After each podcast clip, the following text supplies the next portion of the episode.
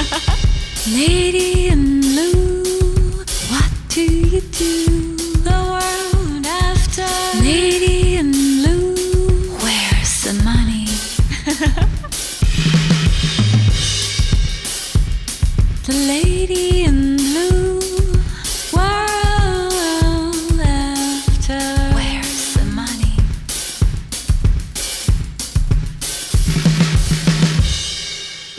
to podcast number six from The World After Where is the Money by The Lady in Blue. It's all about the future for companies and how to tune into that future in order to find where the business can be found. Even for classical companies, the world is changing and your company has to functionate in the future, your internal team, and also externally. What will be the client like in that society? And what kind of services and products, marketing concepts, and strategies do you have to develop in order to fit in? And for a lot of companies, it's often, oh, we are not trendy, but you just have to look back in the future 100 years ago and you can realize that your company wouldn't functionate there. But also, maybe not in the world of 20 years ago, the way your company is right now. And that makes you understand how important it is to understand how the society will be and what you can do in order to tune into that future with your identity, your core business, and how to match it with that future. Today, we're going to talk about the trend cool to be old, and we're going to talk about it what will be the results internally and the opportunities. There's a lot of opportunities internally with cool to be old, and also what will be the result externally. And that can be money, that can be business, and sometimes it also means that specific businesses, products, I mean, uh, are no longer going to rule. So then you have to change your direction. We will explain it. It's an example from fashion and cosmetic industry. I like the fashion always as a mirror because every first of all I love it.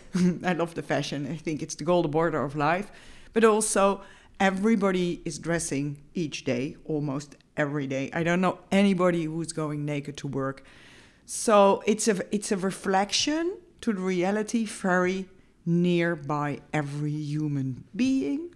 So very understandable and if you want to translate things even more specific in your business, there is uh, my service. We do training, uh, teaching, but also many uh, custom made advice focusing on the future and your business.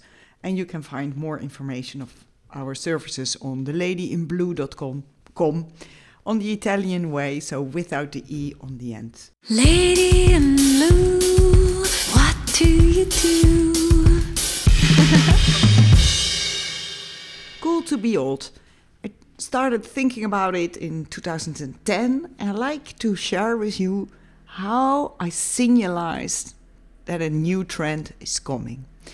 By the time I lived in Italy, and on Saturday you have those glossies of the newspapers, and I always love to see them.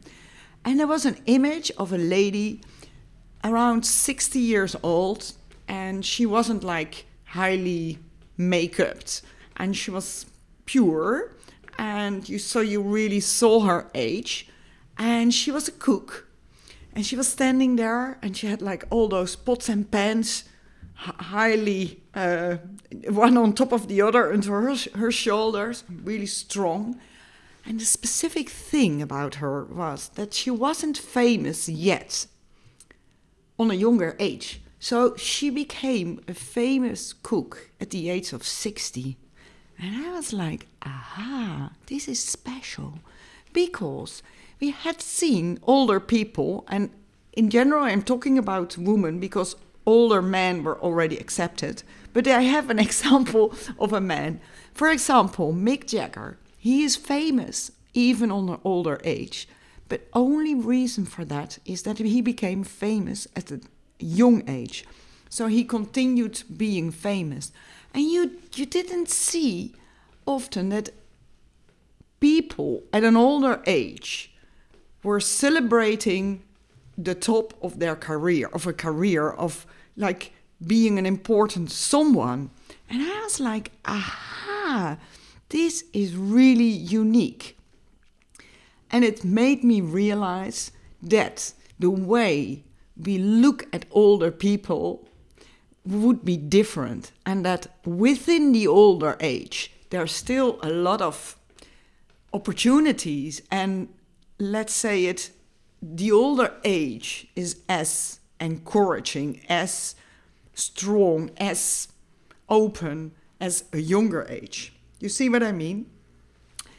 And then if you you know start seeing something like that i was like okay it's going to be cool to be old as cool as it's going to be cool to be young. So the other way around you can also say it's not that if you're older life stops. No. So cool to be old. Then there's another thing that we have to realize and that is that we often assume that our beauty ideals are fixed and that is not true. We can just look at like the, the way the models are right now. Their their average age is between the ideal, let's say it that way, is between 16, 25, 27. And if you picture that image of that beauty ideal young and you put it next to a Rubens painting, you already see that what we consider as beauty right now in the age between is the age between 16 and 27 quite thin um, shaped strong a little bit muscles. And then we look at a rubens painting and we see that these women are like rather fat and white and bubbly and kind of like uh, cellulitis and you know. So you realize okay the beauty ideals are not fixed. And you can also look in your own culture and then go to another culture and you, you realize the same. So that's the first thing we have to realize. Then what happened? This beauty ideal, which is like the, the beauty ideal of this age, was between 16 and 27. And that meant that wrinkles we didn't want to have. You were old. Uh, you couldn't, in our mind, we thought you couldn't work anymore. You were out of society and uh, boring life, and it was all almost over. So we wanted to be in between 16 and 27. And for the first time, we could we could create that. So we had uh, plastic surgery and Botox. And we all could be this ideal age. And we all transformed ourselves in Barbies and uh, kind of Barbies. And we became, and there's a contradiction, all a little bit the same, all like the Barbies. And at the same time, and it was like really, yeah, the same. And at, this, at, the, at the same time, everything beca- became really out of proportions. So our upper lip became too big, our eyes were too opened, uh, with a strange kind of like expression. Uh, aside from the face, our breasts became too big.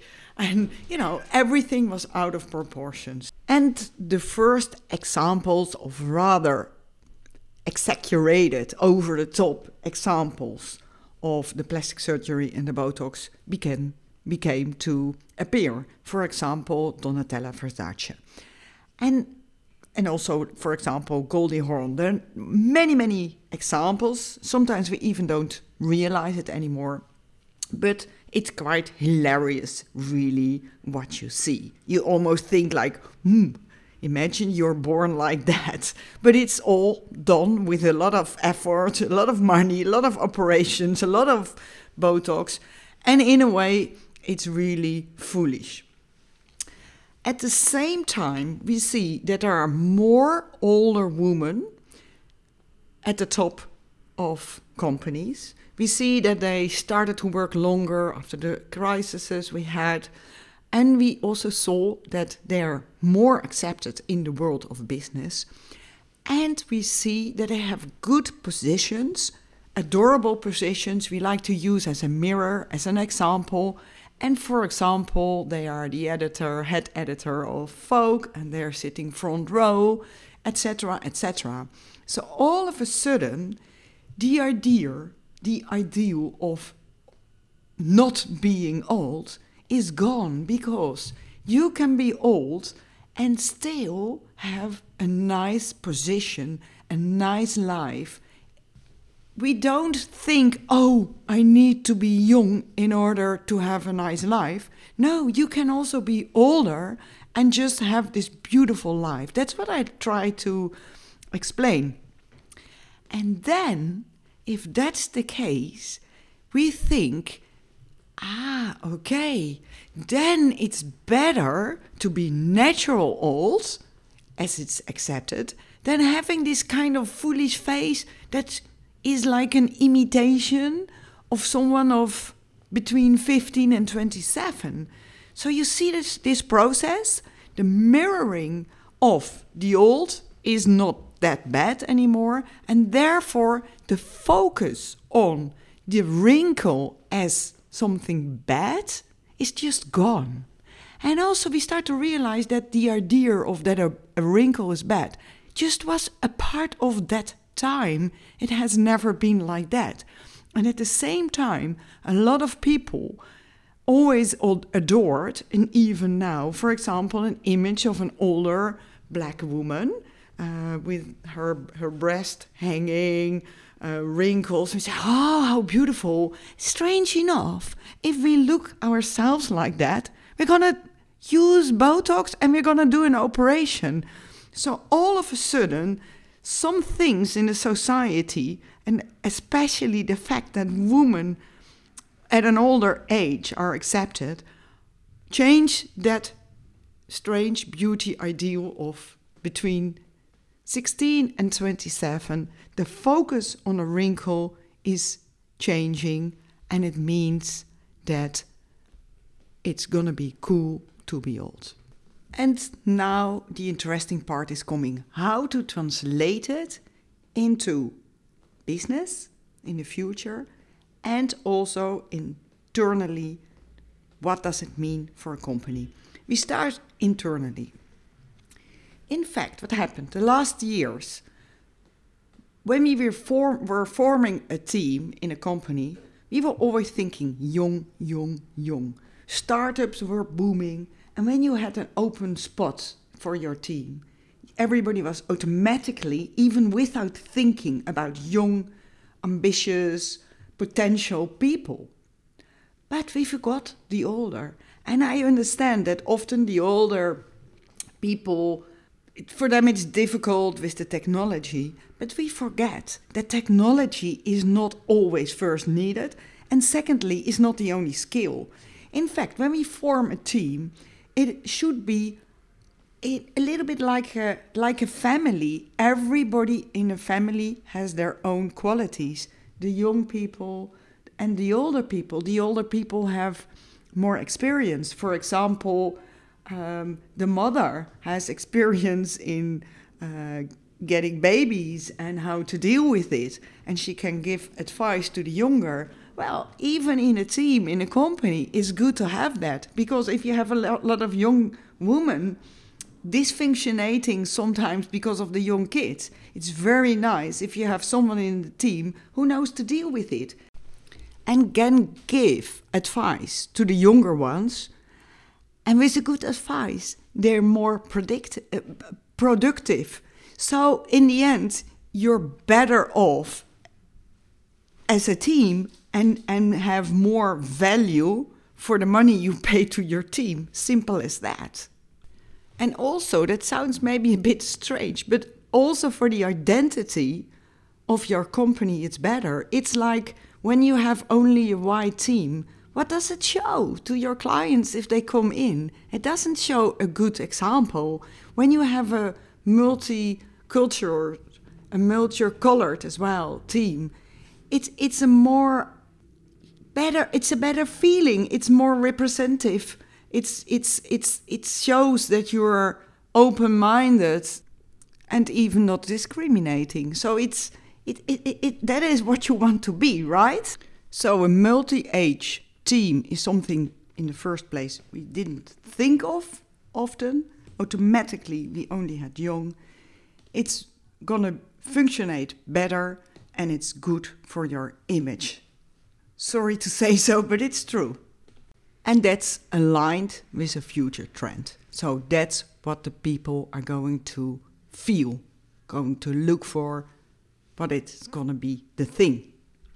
Then externally, um, it's an opportunity first and then somewhere a non-go. The opportunity is, for example, for magazines. Now they always show you where the, the young crowd is, what are the cool places, young.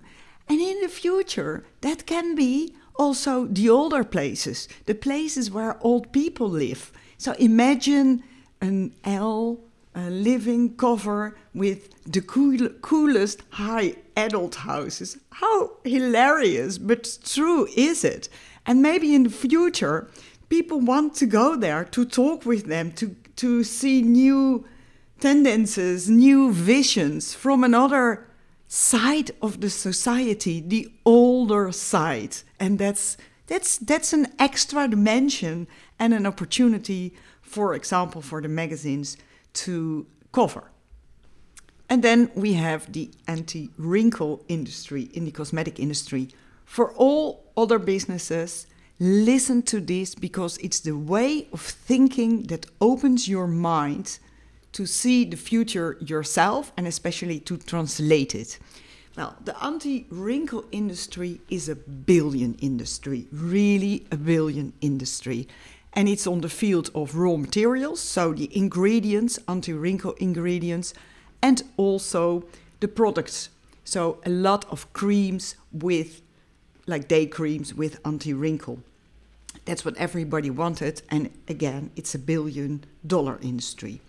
But what we have to realize with this trend, cool to be old, the focus on a wrinkle as something bad is going to disappear. We don't want it per definition. And even we see that if we don't have it anymore, like the Donatella Versace's, it's hilarious.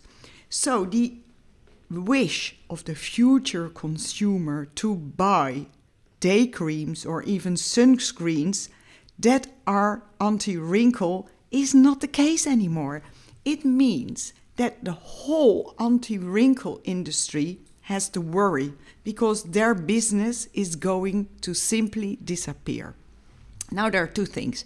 First, the first thing is just go on with your product. It's your milk cow and you can make the money there.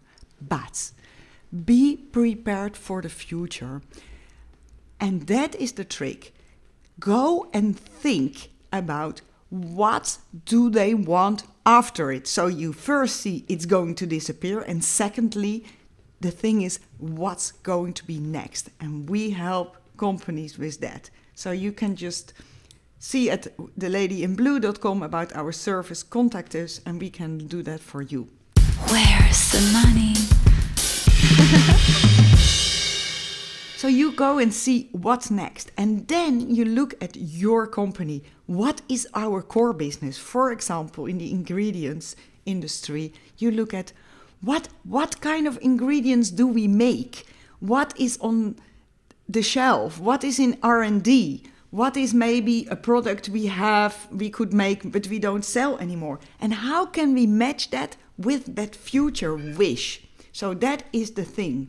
And for the for the the final product, if you're making day creams, for example, well, a day cream is not per definition combined with anti-wrinkle. So you go and think about what is a day cream for? And what other things can we do that match that future wish? And that's where the future is and where the money can be found in the future. As simple as that. Where's the money?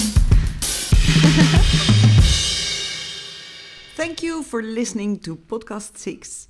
That was an example of a trend, cool to be old, how to translate it or tune into it when you know the opportunity is there internally, and which is also good for your identity, and how to translate it into coming business with the magazine, and how to realize it can stop business with the anti wrinkle creams. For more information, please go to theladyinblu.com without the E on the end or at The Lady in Blue. And for LinkedIn, Antoinette van den Berg. Lady in blue, what do you do? Canadian